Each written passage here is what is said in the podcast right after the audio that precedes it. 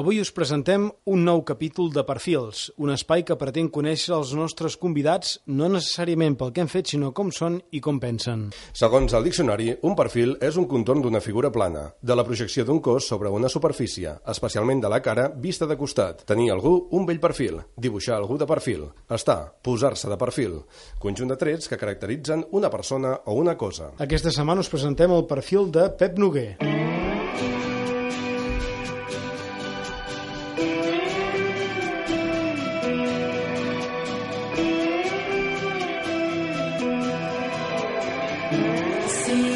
En Pep Noguer és un inquiet cuiner, tot i que sembli estrany, no té cap restaurant. Aquesta voluntària situació, combinada amb la seva gran passió, fer cervesa, recuperar productes i varietats perdudes, assessorament a diversos hotels i restaurants, l'escriptura de llibres i d'articles, o la simple i sempre agraïda pràctica de cuinar, li ha permès aprofundir en un munt d'aspectes relacionats amb la gastronomia, fins a batejar-lo com un activista gastronòmic. Col·labora habitualment en diversos mitjans de comunicació, de televisió i ràdio. Pep, gràcies per acompanyar-nos i permetre'ns conèixer una mica més eh, el teu perfil. Moltes gràcies a vosaltres. Ets una persona coneguda, mediàtic, eh, tots els cuiners coneguts i mediàtics solen tenir un restaurant. Quin és el motiu pel qual en Pep Noguer no té aquest espai per ensenyar la seva cuina? Explica'ns una mica això. Ostres, mira, perquè sóc un cul d'en Jaumet o un cul dels fogonets. Uh, la veritat és que um, jo ja he estat dues vegades en dos restaurants més de 10 anys. Jo vaig començar a aprendre a cuinar aquí a la Vall del Bac, a, un restaurant a la canya, cuina tradicional, vedella amb bolets, cuina amb pebrot, eh, carns a la brasa. Llavors me'n vaig entrar al celler de Can Roca i vaig estar-hi del 91 fins al 2004 Uh, I això em va permetre veure dues cuines totalment diferents, una cuina vella, tradicional i familiar, i una cuina d'autor, una cuina d'avantguàrdia i una cuina en constant evolució. I això, uh, entre altres coses, em va permetre uh, poder anar tinguent diversos tipus de criteris sobre la cuina, sobre la història de la cuina i sobre el passat, el present i el futur de, de les cuines. I fica, dic les cuines perquè avui en dia jo crec que no hi ha una cuina. Bé, de fet, n'hi ha dues, no? la, la bona i la dolenta. Uh -huh. no? però sí que el que em va permetre va ser això. Um, I com que m'agraden totes les cuines, quedar-me en un restaurant, muntar un restaurant, um, no, no ho acabava de veure clar, tot i que he tingut moltes oportunitats, i el que sí que he fet ha estat anar muntant restaurants pel, per diferents llocs de Catalunya, i així amb cada un hi pots posar la teva empremta, perquè a cada restaurant no s'hi val tot. Eh? No podem fer un restaurant de cuina tradicional de muntanya a, a la costa, ni podríem fer, o, tot i que hi ha molta gent que ho fa, però jo no li veig un restaurant de suquets i gambes a la sal, a, no sé, a Set Cases, per exemple. No? Seria molt, molt arriscat, no? si més no? Seria oh, estrany, estrany. Bé, aquesta és una de les feines que, que fem, no? quan algú ens diu és que, és que a mi m'agradaria muntar un restaurant això, eh, moltes vegades la gent, sobretot els que no venen de l'ofici de la restauració, es pensen que tot s'hi val. És dir, estem en un món, el gastronòmic, en què, com que tothom menja i molta gent li agrada cuinar allò per estar per casa o li diuen que ho fa molt bé, pensa que un restaurant és el mateix. Ara mateix, eh, fa molt poquet, eh, em van encomanar l'obertura d'un restaurant nou a les eh, fores de Barcelona, eh, un senyor que ven cotxes i una senyora del món del màrqueting eh, els agrada molt menjar, eh, van a molts restaurants i al cap de setmana doncs, bueno, es posen a cuinar. No? Uh, I ara, quan estem al vell mig de, de la carta, de definir-la, de veure com ho hem de fer, de quins plats hem de comprar i tot això, se'n donen compte de que no és tan fàcil com semblava. No? I aquesta feina és una feina uh, espectacular, molt maca, perquè no només és cuinar, sinó és interactuar i fer-li, fer podria dir, un vestit a mida a cada client.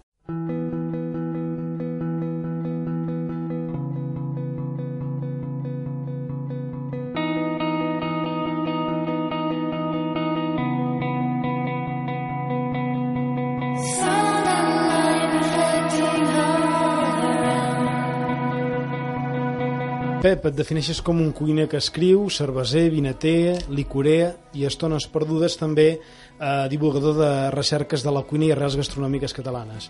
Eh, T'estàvem escoltant, evidentment, la teva trajectòria professional, però tot això suposo que no s'aprèn, evidentment, d'un dia per l'altre. Tu des de petit ja tenies aquesta inquietud per, per estar darrere els fogons o estar o està sí, treballant a la cuina? Sí, sí. Mira, jo recordo que eh, ja quan tenia 6 a 7 anys a l'escola, eh, jo ja deia que hi havia coses, diguem jo ja deia que el, el menjador ja, ja, ja s'hi menjava diferent, no? És a dir, el, el menjador jo ja preguntava per què les coses eren d'una manera o d'una altra.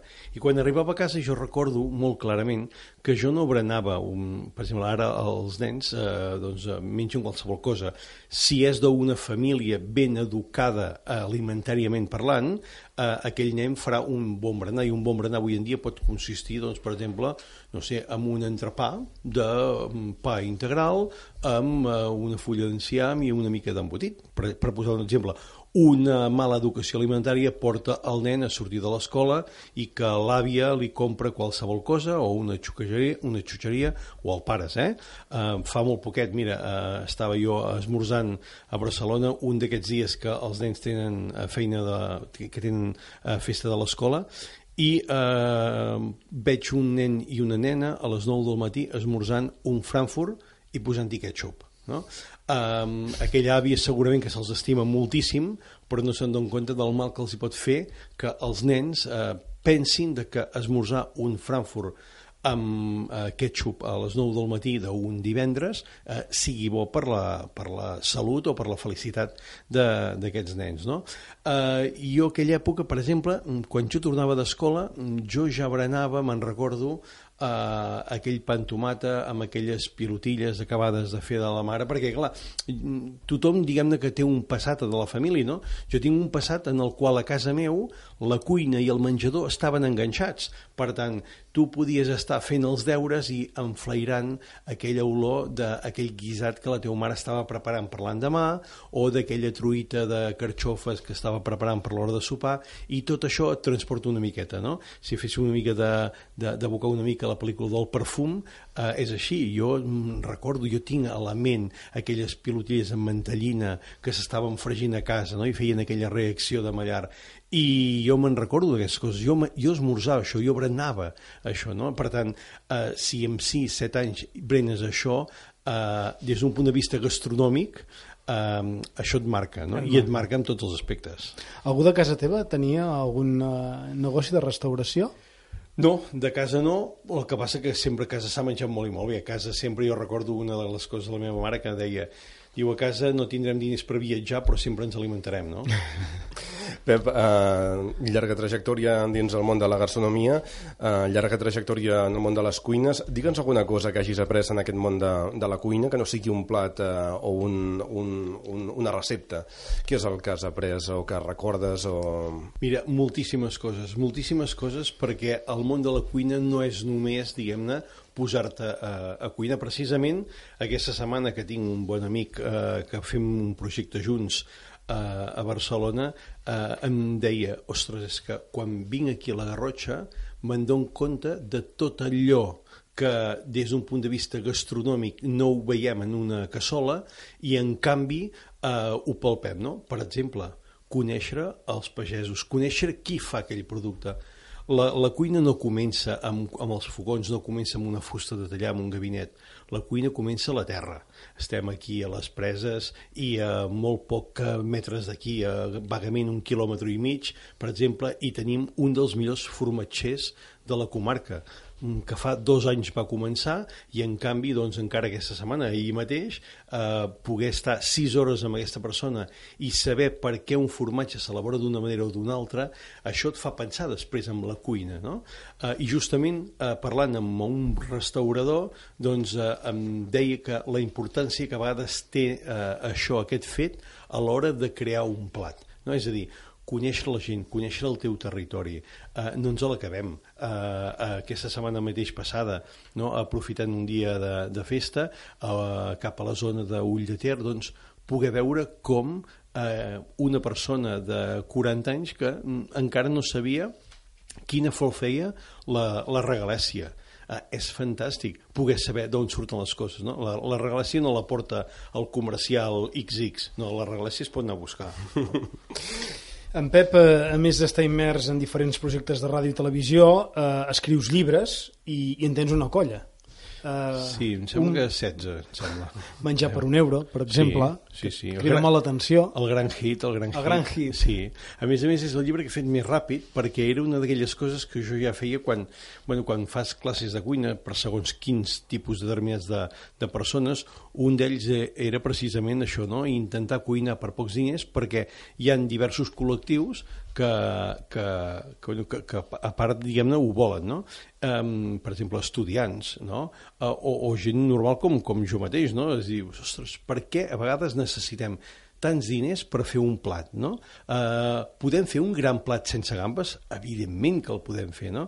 I aquest va ser una mica un, bueno, una juguesca amb un bon amic en el qual em deia, escolta'm, tu que vens al senyor de Can Roca, uh, a veure si t'atreveixes a fer un plat de, de plats que no passin d'un euro. I, escolta'm, um, jo crec que, si no recordo malament, en 15 dies el vaig tenir, el vaig tenir llestit. I, I em sembla que és el que s'ha vengut més. Vas guanyar l'aposta. Sí, sí, sí, evidentment, evidentment. De totes maneres, sí que és cert, eh, Pep, que es relaciona molt el menjar, l'alta cuina, amb, amb això, no? amb els diners i plats més elaborats i, i, i més cars. Això és, és real? Menjar bé és sinònim de, de pagar més diners o no? Gens, gens, gens. I cada vegada, i cada dia que aprenc coses, i cada dia que sé més, te'n dones més compte de que no és necessari gastar-te molts diners. Això no vol dir comprar productes de mala qualitat. Eh? És a dir, jo no estic dient que ara que només podem cuinar amb, bé amb gambes eh, i que cuinar amb patates és cuinar malament. No, mira, eh, al fi al cap sempre és el mateix.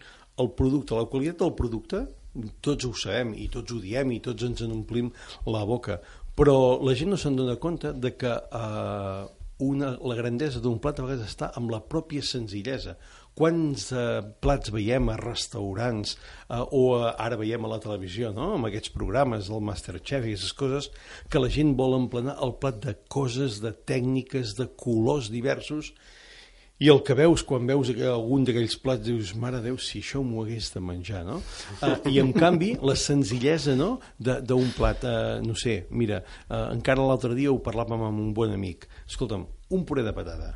És dir, un puré de patata fet bé, fet bo. Aquí a dalt a la Garrotxa tenim una patata que, escolta'm, ara en aquests moments s'estan traient de, del camp, es reposaran una miqueta. Tenim aquesta patata mora, que a la gent no li agrada perquè és una patata boteruda, és una patata que fa ulls, és una patata que costa de pelar. Però si tu agafes eh, a un nen petit i tu li bulls una patata qualsevol que trobis en qualsevol supermercat, bulls la patata mora com l'has de bullir, les escorres ben escorregudes, els aixafes amb un bon passapurès, no amb un túrmix, li poses aquella quantitat d'oli d'oliva verge extra o de mantega o de mantega i formatge i algun rovell d'ou, i fas el mateix amb les altres. I els hi fas tastar amb un nen. De ben segur que aquell nen per poca cultura culinària i alimentària que tingui, sabrà quina diferència. El que ens passa és que moltes vegades veiem tota la part supèrflua de les coses, no? O, per exemple, eh, aquest estiu que hem passat, doncs un dia amb, amb, amb un plat tan senzill, tan senzill, tan senzill, com una sopa d'ortigues. Escolta, anem a qualsevol lloc d'aquí de, de les preses i trobarem ortigues. Sens si, dubte. no? Uh, I si ha plogut una miqueta i les ortigues són ben tendres i ben meloses, escolta, agafem un grapat d'ortigues i en fem una sopa de pa amb ortigues. Us asseguro que ni la gran majoria de la gent es pot arribar a pensar que aquella sopa val no menys d'un euro, menys de 20 cèntims, perquè tothom té una mica de pa sec, tothom té, pot anar a buscar quatre ortigues i un raig d'oli d'oliva i una mica d'aigua i ja està. No? Es, amb la senzillesa és això. I a vegades no ens adonem compte de que això pot arribar a ser molt i molt bo.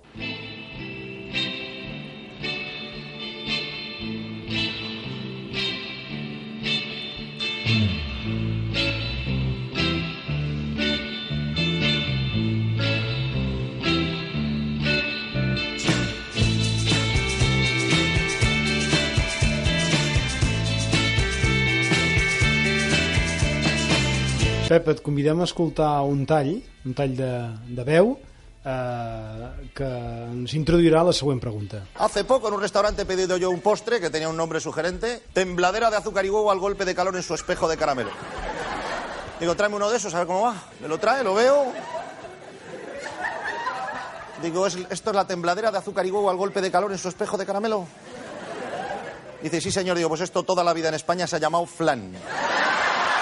Digo, El mític Leo Harlem, eh, introduint-nos la següent pregunta, precisament. Creus que la cuina eh, com deia aquest senyor, aquest acudit o aquest monòleg de Leo Harlem, s'ha tornat elitista? Hi ha, hi ha certa tendència, si mira el bon menjar, com deia abans en Jordi, a, restaurants caríssims? Has respost una mica a l'anterior pregunta, eh, no? però mira. la pregunta seria aquesta, no? Potser és, és elitista la cuina de... Jo, jo crec que cada vegada menys i crec que cada vegada els cuiners que eh, fan una cuina d'avantguàrdia eh, reflexionen més i pensen més, és dir, eh, fins fa molt pocs anys, si ens hi fixem, la cuina ha estat això, no? És dir, la, la alta cuina, el que anomenem o anomenaven alta cuina, eren cuiners de tres estrelles Michelin, de casinos, d'hotels, de restaurants amb, amb, unes, amb, amb uns coberts d'or, és a dir, el luxe, no? El luxe era això jo crec que el luxe està canviant. El luxe, per exemple, eh, jo el veig, per exemple, eh, menjant-me doncs, eh, un nou ferrat amb, no sé, eh, ara diria, amb bolets, eh, al mig de la, de, de, no sé, fageda que hi ha a la vall de Bianya.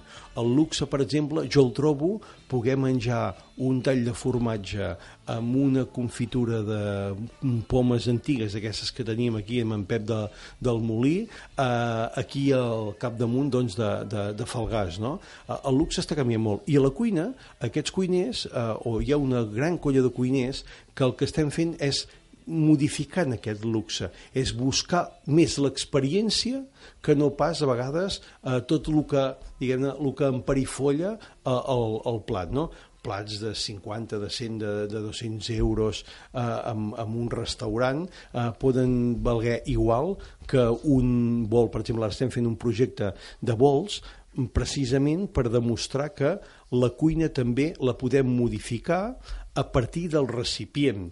Uh, un plat, uh, qualsevol uh, que fem, uh, es sol fer, per exemple, amb un plat pla, hi ha plats que es fan amb un plat soper, però um, el, hi ha plats que tant els pots posar en un plat soper com un plat pla.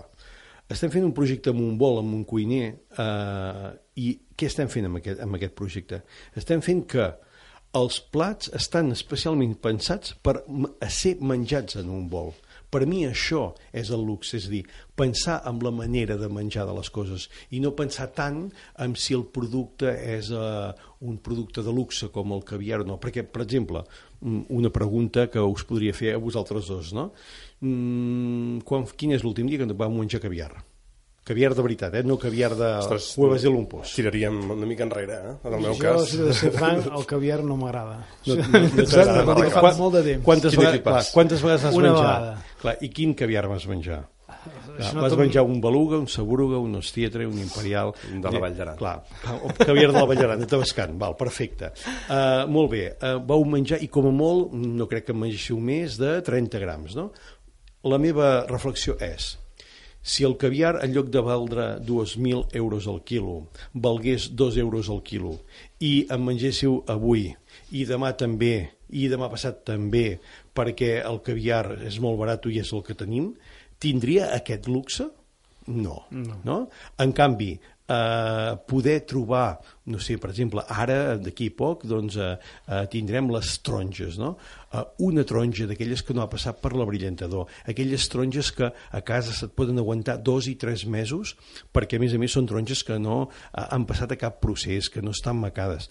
Aquella taronja que peles amb el dit i que se t'impregna l'oli essencial de la pell de la taronja eh, en el dit i que sembla aquella fragància que sembla un perfum. Per mi això és el luxe de la cuina. Mm. Uh, Pep, la societat ha evolucionat, la cuina, uh, penses que també ha evolucionat igual que aquesta societat? Ostres, eh, jo crec que en molts indrets la cuina evoluciona molt ràpid um, i evolucionar massa ràpid fa també que llavors ens trobem amb un, i abans ho dèiem, amb un cert esnovisme. És a dir, la línia entre la, la incultura i l'esnovisme d'una cosa determinada, avui en dia és molt fina aquesta línia. Per exemple, um, fa 20 anys no teníem telèfon mòbil. Avui en dia no podem viure sense el telèfon mòbil. Fa 20 anys a Catalunya, eh, no, mira, diré, a l'estat espanyol hi havia un llibre que es deia Espanya i el país dels 100 formatges. Avui en dia podem parlar de Catalunya i, el, eh, i un llibre que es digués Catalunya i el país dels 400 formatges. Uh, fa molt poquet la gent no sabia res de cerveses artesanes. Uh, fa, I quan dic no, avui en dia, dic, fa 10 anys, eh? Mm. Doncs avui tenim 100 marques de cerveses artesanes només a Catalunya. Llavors, el món avui, avui corre molt ràpid, i corre tan ràpid que moltes vegades no valorem les coses. És com aquell viatge que fem quan ens casem i que volem eh, fer un viatge de 20 dies, però que les viroies no, no hi ajuden, i bueno, doncs el farem de 7, però ho veurem igual, no? Escolta'm, veure Egipte en 7 dies eh, no és el mateix que veure-la en 20, no? I reflexionar sobre la cuina i això, tampoc, no? Avui en dia sembla que sigui tot molt fàcil, no? Aquesta gent de, del Masterchef o el fenomen, per exemple, no sé, eh, el fenomen d'aquest programa que s'ha fet ara aquests últim, aquest últim estiu a, a, a Catalunya, no? La televisió de, de restaurants, eh, ho hem vist. Aquí a la Garrotxa, de, de quatre restaurants que sortien, dos no són de l'ofici. No? És dir, tothom es pensa que eh, pot obrir un restaurant, tothom es pensa que hi entén, tothom es pensa que pot fer cervesa, tothom es pensa que, bueno, i encara no hem parlat del gin tònic, no? És dir, avui en dia tothom fa gineures, no?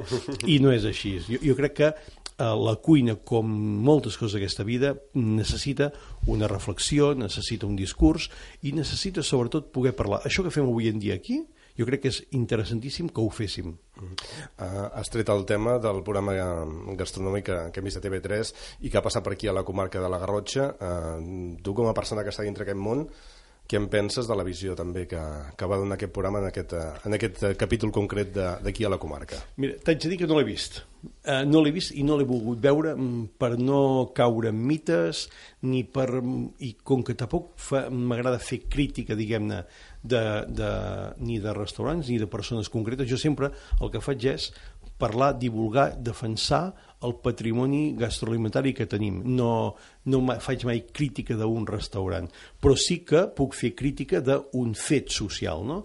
Uh, aquest, aquest diguem-ne, um, com a programa, què ens aporta o què ens pot aportar aquest programa uh, o no, no? Uh, jo que sóc molt bon amic de, de Marc i uh, com a més a més, doncs, com us dic, és un programa, uh, veig que um, la gent que surt, o la gran majoria de la gent que surt d'aquest programa, eh, n'hi ha ben poca que són del món de l'ofici, no? Eh, I que molta gent segurament haurà sortit per la publicitat que et pot donar això. Independentment després pensar de si aquest programa eh, et pot fer bé o no et pot fer bé. Vull dir que segurament hi ha gent que li ha anat molt bé, però que et pot donar una, una falsa, diguem-ne, visió del que pot arribar a ser un restaurant perquè és una cosa entallada. Jo crec que es fa molta més eh, gastronomia, es pot parlar molt més en un programa com aquest que estem, o en un programa en el qual ens permeti, diguem-ne, la discussió sense talls, que no pas doncs, en un programa de televisió. I tot i això, eh, el programa aquest que, que es fa aquí a, a, a Catalunya um, bueno, és un programa que, que, que diu nhi no? Està, està bé, però si tu et mires programes americans, programes anglesos, que en el qual, doncs, o, bueno, o programes, diguem de l'estat espanyol, no? Vull dir que, que amb això no hi ha problema, que, que, que tu ho veus i, i dius, ostres, hi ha, hi ha molt més, diguem-ne, de personatge que no pas del que s'està parlant. Molt més reality, no? Que diríem sí, més reality. Sí, sí, això, però bé, el, clar, el fil cap és el que la gent vol, eh? Sí. Tu te'n dones compte i eh, encara aquesta setmana passada ho parlàvem amb un, no, no, diu, i el pitjor és el programa que es fa després, no? Deien, dius, però escolta'm, però tu te'l mires, no? És a dir, per una banda és com allò de, de ningú mira Telecinco però tothom sap el que hi fa. Tothom no? mira els documentals. Exacte, no? Llavors quan tu dius que mires un documental de, de, de, de Netflix o un documental de, de la televisió espanyola del 17, de les 7 del matí, ningú els veu aquests, no? Mm. És així, però és la, la situació.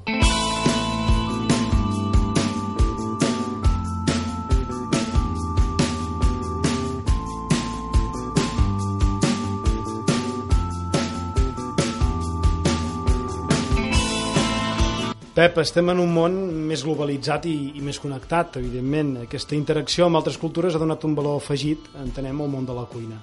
Eh, eh, creus realment això? És a dir, creus que la globalització ha ajudat a, a que el món de la cuina tingui aquest valor afegit? Mira, penso que la globalització ajuda a conèixer el món i obrir el ventall, eh, en aquest cas eh, alimentari i gastronòmic que podem tenir, però crec cada vegada més que la globalització ha de ser el més local possible. Mira, porto una samarreta que diu Orgullo Contadino, eh? és dir, orgull de pagès. Um, fa molt poquet vaig estar en un, en un restaurant uh, de dues senyores, dues senyores que germanes, uh, una té 80 i pico i l'altra 80 i pocs. Um, I van entestar-se a que el restaurant no està posat a Barcelona, no està posat a la ciutat de Girona, està posat en un poblet de 1.000 habitants, eh, un poblet molt petit de Catalunya, molt conegudes elles per la seva cuina tradicional i popular i així, i es van entestar amb que havia de menjar una mitjana de eh, vedella de vaca eh, angus. No? Um, I això em va fer un mal, eh, no l'estómac, un mal al cor impressionant. És a dir, Tenim a Catalunya una vaca fantàstica com és la Bruna dels Pirineus, tenim eh, vaques de, de races, diguem-ne, de fa 100 anys aquí a Catalunya, i en canvi ara tot ha de ser la Angus, tot ha de ser la vaca de Nebraska, tot ha de ser la Guayú i tot ha de ser la, la de Kobe, no? I en canvi, aquí, per exemple, molt a prop d'aquí de Ràdio La Vall, tenim gent que fa unes vedelles excepcionals, um, i no dic que sigui d'aquí, eh? ja us dic que no, que no és d'aquí, i en canvi la gent s'entesta amb això. Això per mi és esnovisme.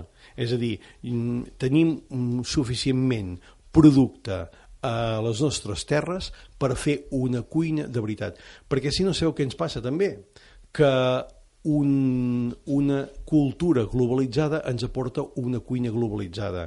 Jo no vull anar a la Garrotxa i menjar vedella de Nebraska, perquè la vedella de Nebraska després me la puc menjar a la Garrotxa, me la puc menjar al Solsonès, a Madrid, a París, a Londres i on sigui. Jo què vaig a buscar? La diferenciació de les coses. I a la cuina també vaig a buscar aquesta diferenciació. Mm. Malauradament, aquesta diferenciació cada vegada te la trobes menys i hi ha cada vegada menys restaurants autèntics. No? Uh -huh. Però com que la demanda no és la de l'autenticitat, sinó és la del baix preu, la, molta, en, en moltes vegades, eh? i és la de, la de la, el que la gent coneix, malauradament ens passa això. Jo que monto molts restaurants a Barcelona, eh, si muntes un restaurant a la part de l'Eixample i no hi poses unes patates braves, eh, cau al món. Vull dir, està demostradíssim. Mm, en tinc, en tinc un eh, que està eh, molt a prop, a res de 3 metres d'un altre, que eh, el que fa són tapes. Pensa que eh, nosaltres vam decidir no posar el nom de tapa i no entrava ningú. Per què? Perquè aquella zona és una zona, diguem-ne, de, uh, de, de turistes. No? Llavors, tota aquella gent que el que busquen són tapes, tapes, tapes, tapes, tapes. Uh -huh. Parlaves d'aquesta cuina, d'aquesta cuina catalana que a vegades uh, està uh, se'n va per aquests uh, llocs més globalitzats o aquest menjar més globalitzat. Com està aquesta cuina catalana, aquesta cuina mediterrània? Quin és el seu estat de, de salut que té actualment? Com la veus? Uh, mira, des d'un punt de vista de la salut, la cuina catalana um, està bé està bé, però cada vegada, com podríem dir gairebé la seva llengua, el català, cada vegada sembla que hi hagi gent doncs, que la vulgui oblidar. Eh, encara fa molt poc a Barcelona a mi, en una, en una discussió, hi va haver un senyor que em, em va voler insultar dient-me pagès, no? L'enrevés. És dir, per mi és un orgull eh, que em diguin pagès, no? Eh, i això, va això era diguem per al tipus de cuina que estàvem parlant de que s'estava perdent i que no hi era als restaurants de Barcelona i em van dir això, no, és que tu ets un pagès no? escolta'm, eh, què es menja a Barcelona? Eh, embotits envasats al buit um, carns, diguem-ne, que vés a saber d'on te'n venen, d'on te'n van, i aquelles cuines, que aquella, aquells arrossos, moltes vegades, uh, fets amb, amb, amb sofregits de tomata, i es perd l'autenticitat d'aquesta cuina catalana. Per altra banda, uh, sembla que el poble uh, hi hagi de ser-hi, però malauradament, com que molts restaurants no són de l'ofici, segueixen fent aquesta cuina. Per tant, una de les grans feines que eh, estic intentant fer i que estem intentant fer en diversos projectes és, per una banda, que la gent no deixi de conèixer el propi, diguem-ne, artista de la cuina, que són els productors, per una banda, i després que la gent no perdi la capacitat eh, i la, el, el, podríem dir, el, el reforç d'aquella tradició culinària que hi ha. Fa molt poquet, per exemple, parlant amb una, amb una persona sobre l'arròs, una cosa tan senzilla, tothom ho fa, tothom fa arròs, no? Eh, amb una cosa tan senzilla don, com no poseu eh, tomata a l'arròs. Ah, no, no, no. Bueno, sí, n'hi pots posar, però, per exemple, fes una prova, no posis tomata amb un arròs a la cassola. Fes un sofregit, amb una mica de ceba, si vols, amb una mica de pebrot, pebrot verd, no pebrot... Ah, no, pebrot vermell, no? No, prova un pebrot verd. És dir, la, la gent està molt estigmatitzada a fer allò que fa. No? Uh, per exemple, hi ha molta gent que, uh, que fa aquella cosa tan senzilla que és que tot allò que ell ha menjat quan era petit és tot allò que li agrada més, no? Quins són els millors canelons que heu menjat mai vosaltres? Sí, sí, sí. Ah? Els, els de la meva mare, no? Els de l'àvia, Ah, millor, no? sí, sí. I, i escolta'm, i el guisat, ui, ui, aquell guisat de la meva mare, la teva mare podia cuinar, eh, la teva àvia o la nostra àvia podia cuinar molt malament, però com que aquell gust és el gust que tenim, ens pensem que allò és el bo, no? O l'altre dia, per exemple, encara amb una cosa tan senzilla com és un plat de verdura, no? Hi ha molta gent dels eh, anys, diguem-ne, 60, 70, 80, que està acostumada a menjar la verdura molt cuita, no? Eh, I quan li fas una mongeta verda cruixent que l'ha de mastegar, diu, ei, és que això, això, això, És cru. això és cru, no?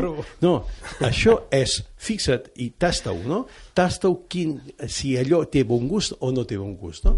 Però clar, és també, com dèiem, l'educació del gust, la sensibilitat que tenim del gust, no? Eh, quan un agafa un tall de pa, mireu, aquí a les preses teniu, per mi, eh, una de les fleques que està en el top 3 de les fleques de la Garrotxa, no? Eh, I encara aquesta setmana un em va dir, bueno, però clar, però aquest pa de la benzinera, si te'l menges acabat de fer, és molt bo. No, és molt bo, no, t'agradarà en tu t'agradarà. És a dir, una cosa és el que t'agradi i l'altra és que després, des d'un punt de vista, diguem-ne, analític i crític i d'allò, sigui més o menys bo, no? Però quan tu agafes un pa de veritat, que està fet amb, elaborat amb, amb farines bones, que està elaborat amb una massa mare, que et porta eh, eh, tantes hores de, de, de fermentació, i tu cous allò, i aquell pa té olor, i aquell pa te'l pots menjar al cap d'una hora, de 3, de 5, de 10, de 15, de 20 i de, i de, i de 3 dies, això és una altra cosa. El que passa que molts nens i nenes que avui tenen 30 anys, el que han menjat de tota la seva vida és la baguet de benzinera o, o, la, o la baguet, diguem-ne, de És el que tenen de supermercat. referència, et refereixes, no? D'alguna manera. clar, és l'educació alimentària que, que ens donen i que hem tingut, i això és el que ens fa, a, diguem-ne, tenir una certa cultura o una altra. Pep, una pregunta que intentem fer tots els nostres convidats que passen pel perfil, els d'aquí a Ràdio La Vall. Si haguessis de tri- de triar un dels moments més importants en el teu camp professional, un dels millors, segurament podria haver molts, però si ve de gust compartir-ne un, Sí, home, la gran sort és que eh, jo amb, amb, cada dia tinc grans moments amb, amb tot això, no? Amb, amb, amb la part vessant de la cuina. A mi moltes vegades em diuen, bueno, però, però tu quan no treballes què fas? jo sempre els dic, bueno, què és treballar, no? Bueno, és que tu sempre estàs amb la cuina i tal, ja, però és que per mi estar a la cuina, anar a conèixer un pastor, anar a conèixer un pagès, cuinar un producte que no he conegut mai, per mi això no és una feina, no? Per tant, de, de, de, de moments bons n'hi ha moltíssims. Uh, és que si hagués de fer un, allò dir-ne un, un, un, un, un, no sé, uh, o no m'atreviria a dir-ne, però clar, evidentment sí que un, un d'aquests grans moments ha estat poder estar durant 13 anys, eh, mm, 13 anys al dia a dia, però tot i això ara en portem 12 que sense estar al dia a dia i encara seguim, diguem-ne, mantenint una relació mm, professional i personal fantàstica, ha estat treballar al costat i aprendre al costat d'en Joan Roca. I no perquè avui en dia sigui el tercer millor del món, sinó perquè és un dels cuiners que m'ha demostrat que la cuina va molt més enllà dels fogons, que la cuina s'ha de parlar, que la cuina eh, s'hi ha de discutir, que la cuina se l'ha d'entendre, que la, cuina se l'ha d'escoltar eh, i que la cuina se l'ha de sentir. No? I això és, molt, això és molt maco. i ara ve la, la controvèrsia, un dels pitjors. Un que a vegades no, potser no, no ens ve tant de gust parlar-ne. O que el resultat no, no hagués estat l'esperat, no? Sí, Vull dir, tampoc no? ha de ser el pitjor, no? No, bueno, evi- evidentment, amb, amb tots aquests anys que portem a la feina, sempre, evidentment, hi ha dies, diguem-ne, que, que segurament diries, ostres, no, no m'hauria agradat eh, estar aquí o així, no? Però, però la veritat és que he tingut la sort de que, de que n'hi ha hagut molt pocs. Mm, pitjor, segurament, doncs, eh, no sé... Mm, és, és curiós això, eh? perquè clar, penses, dius, di, pe- penses, dius, hosti, aquell banquet que eren tants, que vam treballar tantes hores, clar, no, però és que vam treballar moltes hores però ens ho vam passar molt bé, no? No és això. Uh, no, la veritat és que des del món de la cuina jo crec que no he tingut mai cap mal record. Uh, fins i tot, uh, jo que encara vaig ser d'aquells que vaig haver de fer el servei militar, fins i tot com que uh, no em va tocar la cuina, però al final, al cap, al cap de molt poquet, vaig haver d'anar a la cuina, doncs també també m'ho vaig passar bé, no? perquè vaig poder fer coses que no hagués fet i que algun altre dia poder explicarem, no? però, però mai d'això. Mm, No, mm, és que no he tingut res, diguem-ne, des de la vessant, diguem-ne, de la cuina que m'hagi fet això. Potser, si haig de dir una cosa, és a vegades conèixer gent que treballa a la cuina i que no se l'estima com te l'estimes tu, eh, o que mm, treballa a la cuina d'una vessant mercenària i llavors no fa la feina com l'ha de fer i això et compromet, diguem-ne, a, a, a, a, a tenir discussions, no?, a vegades. Però, bueno, això és una d'aquestes feines que, que ens toca fer toca. quan obrim restaurants. Avui estem a Perfils, eh, aquí a Ràdio La Vall, parlant amb Pep Noguer, amb Pep Noguer activista gastronòmic. No sé si, si t'agrada que, que et classifiquin així o com t'agrada que et mira, diguin? La, la veritat és que totes les etiquetes me les han posat eh, i ja em semblen bé, sempre i quan, diguem-ne, siguin positives, no? Eh, activista gastronòmic, bé. Fonamentalista de la cuina catalana, també. Eh, pensador, i no sé què m'han dit, també, del, és igual, m'és igual, no? Cuinòleg, és que a vegades eh, posem masses etiquetes, sí, etiquetes. sí, sí. Jo sóc cuiner i ja està. Doncs, uh, Pep Noguer, cuiner, escoltem un altre tall, si et sembla, i així després el comentem. Jo que, I t'explicaré una experiència que és molt xula. A Catalunya i a la resta d'Espanya, sí? aquests senyors de la Michelin són una mica mal coats. Val, avui Per- treus tota la càrrega, Sí, eh, aquí? sí, sí, sí. Vinga. Mira, perquè tu et mires aquí a restaurants que tenen una estrella, dues estrelles i fins i tot tres estrelles Michelin i te'n vas a altres indrets, digue-li, per exemple, a França, digue-li, per exemple, a Itàlia, i no estan, diguem-ne, fetes amb el mateix motllo. Jo he menjat realment a restaurants que tenen una estrella a Milà, per exemple, podria dir, que no se la mereixen. I aquesta gent d'aquí se'n mereixen més de les que tenen. Doncs això val la pena que ho aplaudim, aquest comentari, i sobretot que conserveu i amplieu Estrella. Un tall que si recordes I a la plaça Major, el programa divendres en uns restaurants de les Cols, Cal Enric, en Nando Jovany Exacte. i va tant, ser aquesta tant. definició, van dir que aquí hi havia molta, molta qualitat i molt de talent, no? I tant, i tant. I a més a més me'n recordo aquest restaurant italià, un restaurant amb estrella Michelin, eh, un restaurant vegà, que precisament hi vaig anar, expressament vaig fotre tots aquests quilòmetres per veure què es podia donar en un restaurant vegà, eh, això fa dos anyets, eh, que sí que tingués estrella Michelin, no? Perquè, clar, eh, fixeu-vos que fa dos anys, si volies anar a menjar en un restaurant vegà a Catalunya, eh, havies d'anar a un restaurant d'aquests, diguem-ne, tipus que sembla que els cuiners han de ser eh, hippies, no? amb tots els respectes per tots els hippies, eh? que jo me'ls estimo i tinc grans amics, però sembla que, que han de ser, diguem-ne, cuiners així que no són cuiners, que, que són més, diguem-ne, més filòsofs de la vida i tot això, i que ells són vegans i aquestes coses. Encara jo això ho explicava un dia amb el director del cuina, amb en Josep Socarrats, i em va dir, portem un restaurant que s'hi menja molt bé. Perfecte. El cambrer surt eh, sense sabates, no? Amb, vestit amb aquella roba, diguem-ne, que semblava de judo, que era de fer massatges i això. Dic, veus, això és el que em refreixo. No?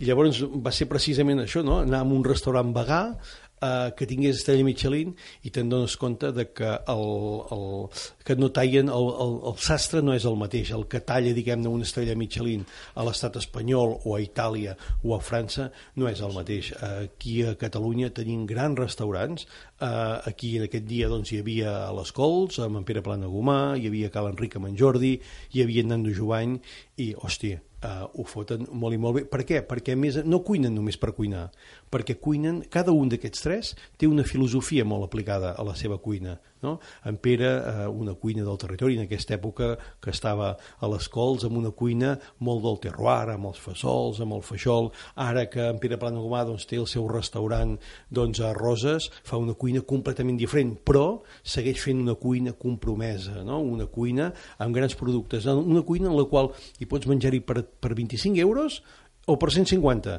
i que el preu tant si menges per 25 com per 150 menjaràs igual de bé. Ara, clar, amb un menjaràs unes coses i amb els altres menjaràs una altra, no? En Jordi, amb aquesta cuina de la zona de Bianya, una cuina que, que no, té, no és volcànica, però que en canvi té molta tòfona, que té caça, que té aquestes aus, que té aquesta cuina, diguem-ne, eh, vella i familiar, aquesta cuina tradicional transformada. En Nando, què podem dir d'en Nando? És un, un tio que, que, escolta'm, que no té res a envejar a qualsevol altre cuiner i que amb ell jo crec que tenir una estrella ja li va bé, que tu gastem, jo crec que li farien nosa. Per què? Perquè una estrella eh, Michelin t'aporta, diguem-ne, un nom, t'aporta, diguem-ne, un tipus de gent, però només et posa en un lloc i ja està, no?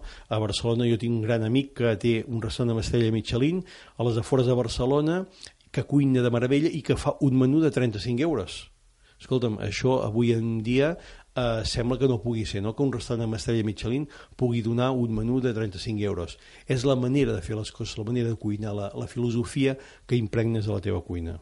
Uh -huh. uh, imaginem que per un cuiner està envoltat amb tota aquesta explosió d'ingredients i sabors de la Garrotxa representa tota una font d'inspiració i irrenunciable no? per un cuiner creatiu en aquest cas. Uf, mira, avui mateix al matí uh, he anat a passejar uh, dues uh, uh, gosses que tinc, dues boxers, eh, i eh, al costat de casa, eh, però és que al costat vull dir a, a 3 metres de casa he quedat eh, gratament sorprès de la quantitat d'orenga que tinc al costat de casa i que mira que hi arribo a passar a vegades això i que si no s'hagués sigut per elles no hagués anat al camp que tenia al costat de casa i no hagués tingut, és a dir cada dia aprens, no? cada dia, però clar, què has de fer?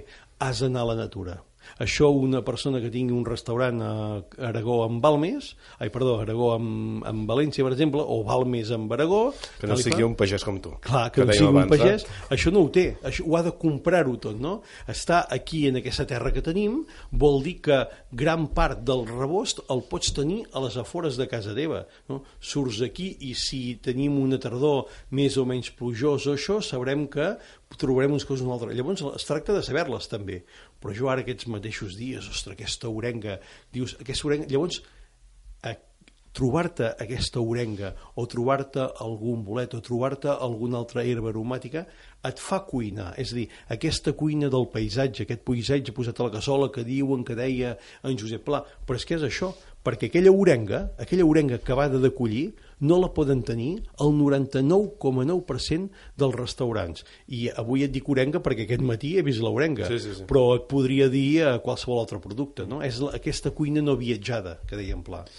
Hoy chicos, estamos aquí para preparar algo que muchos de vosotros os habéis pedido desde hace un montonazo de tiempo. Y es, Willy, que hagamos un vídeo cocinando. Vamos allá, vamos a hacer una tarta. ¿Por qué? Porque además esta tarta nos la vamos a jugar en un vídeo que tendréis mañana en mi otro canal. Será un challenge ahí que haremos de Call of Duty, así que os dejaré el canal por la descripción por si lo queréis ver. Mañana lo tendréis por ahí. Cocina con Willy. Ah. Dos milions de subscriptors. Sí, sí. Tothom utilitza les xarxes socials amb, amb aquesta frivolitat, fins i tot en el, en el món de la cuina. Mm, i, I és el que volíem preguntar, no? Aquest fenomen, una mica també ens ho has dit abans, ajuda, que la teva, ajuda una mica la teva professió o pel contrari la desmereix en personatges o en persones que bé, que tenen, això que diem, dos milions de seguidors, eh, que hi ha gent que se'ls mira, però que evidentment banalitzen eh, el que estem explicant ara, segurament. Sí, sí. Fixa't, eh, és una cosa molt senzilla, aquesta. Um, les xarxes eh, ajuden i han ajudat eh, a tots els sectors, diguem-ne, de, de la població. En el cas de la cuina, ens ajuden eh, a, a, a explicar, a defensar, a divulgar, a conèixer. Jo mateix eh, fem, fem vídeos culinaris. Tot i això, t'haig de dir que, clar, que quin és el problema? amb que el rigor d'aquests vídeos, en el rigor en el que es fa, en el que s'escriu en el que s'explica, llavors sigui bo o no. El problema és de que avui en dia molta gent és molt fàcil arribar a això, no? Eh, jo vull una, un pastís de formatge, vaig al Google, mi, pastís de formatge, pam, i em surten 40.000 pastissos de formatge. Quina és la diferència, diguem-ne, que pots tenir amb una persona que ha escrit un llibre o que ja té una mínima, diguem-ne, un mínim reconeixement? Que com a mínim creiem que eh, la persona que escriu un llibre ha hagut de fer aquest eh, pastís de formatge no? Um, que ara fa molt poquet una persona molt, diguem-ne, propera a mi em truca i diu, escolta, és que dic el pastís perquè va ser això, no? Escolta, és que he fet un pastís de formatge dic, i no m'ha quedat bé dic, ah, dic, i, què has fet? Diu, oh, no sé, diu, jo he fet el que diu aquí el vídeo, no? I diu, ah, ah, o sigui, ah, i de qui és aquest vídeo? Ah, no ho sé, no?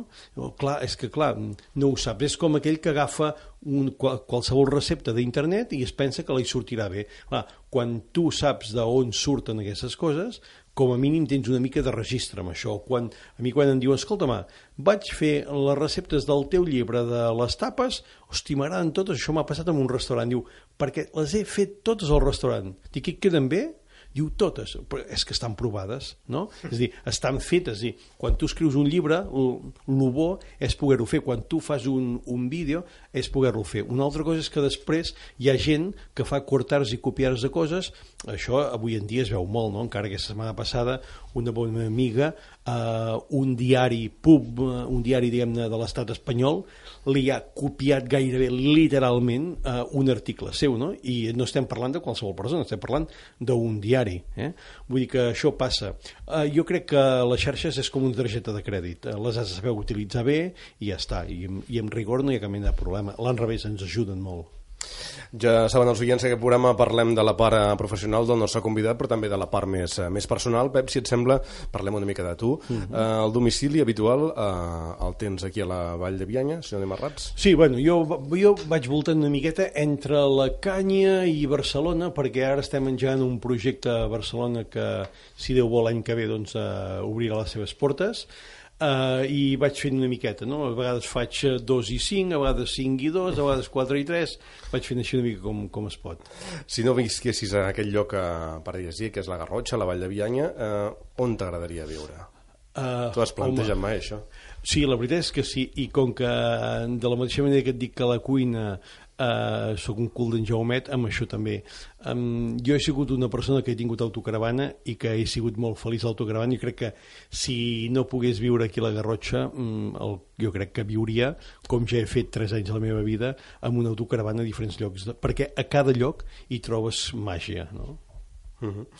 Ara que estem en la part uh, més personal de, de tu, Pep, explica'ns com és el teu dia a dia entre la televisió, la ràdio i tots els projectes que portes entre, entre mans. Bé, eh, complicat, eh? Perquè, eh, clar, quan tu treballes en una feina, en un lloc i prou, tu saps que t'aixeques a aquella hora, te'n vas a la, a, la feina, surts de la feina i ja tens el teu rol, diguem-ne, de vida. El, el meu rol eh, cada dia és diferent, um, tinc un greu problema, diguem-ne, de calendari, perquè um, fins i tot cada dia al matí haig de veure allà on vaig, perquè uh, el fet de que la ràdio o la televisió no siguin en dies concrets, ara la ràdio sí, no? a partir doncs, d'ara doncs, fem els dissabtes, el diumenge són unes càpsules que, que grem això, però quan estàs a la televisió a vegades és un dia, a vegades és l'altre, uh, a vegades et truquen d'un dia per l'altre o, o del matí per la tarda perquè ha passat alguna cosa i ho has d'anar-ho a comentar, uh, però la veritat és que es porta molt bé. Mm, jo no sóc una persona que necessiti, diguem de tenir tot el dia, diguem-ne, programat, eh, cosa, que hi ha, cosa que hi ha gent que sí, eh? hi ha gent que sí li trenques els esquemes.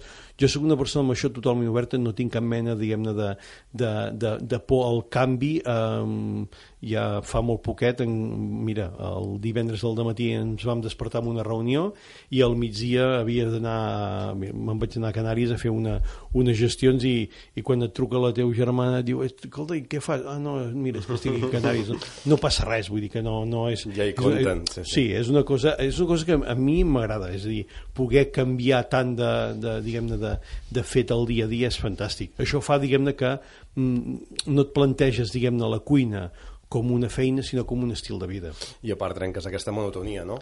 La veritat és que sí, és que, que tu passes important. molt bé, tu mm. passes molt bé.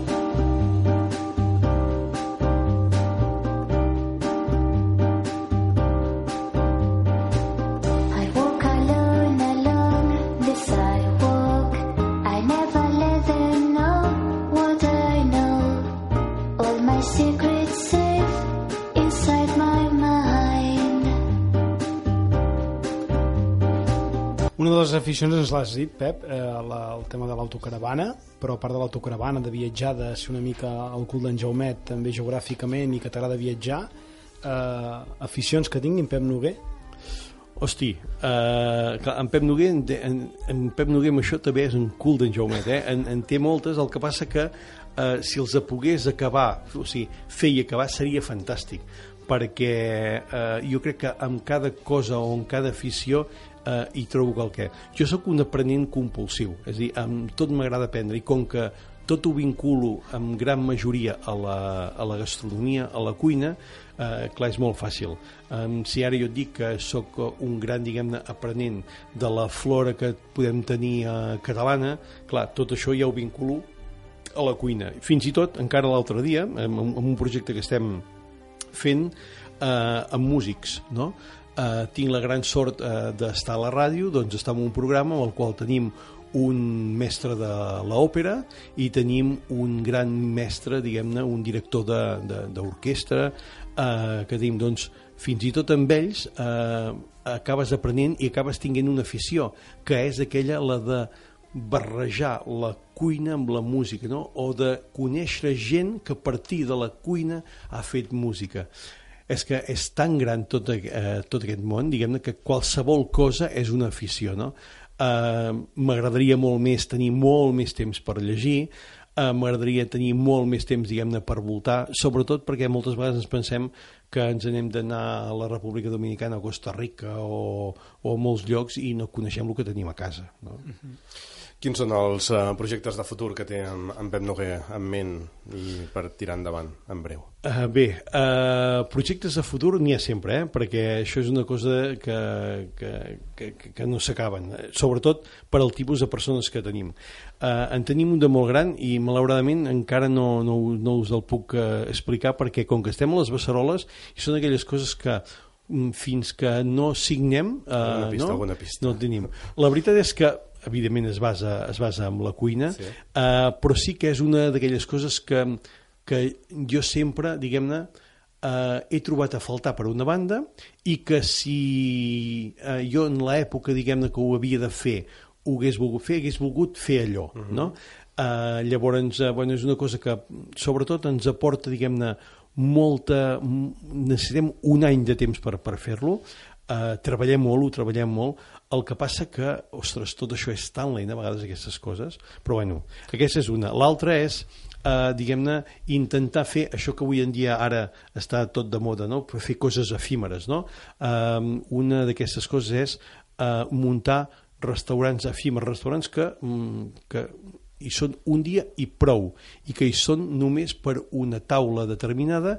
Això ho estem elaborant també amb bons amics, amb bons col·laboradors, amb músics, també amb pintors, amb gent de diferents arts i fins i tot amb, amb, amb ceramistes i amb eh, gent que treballa al ferro.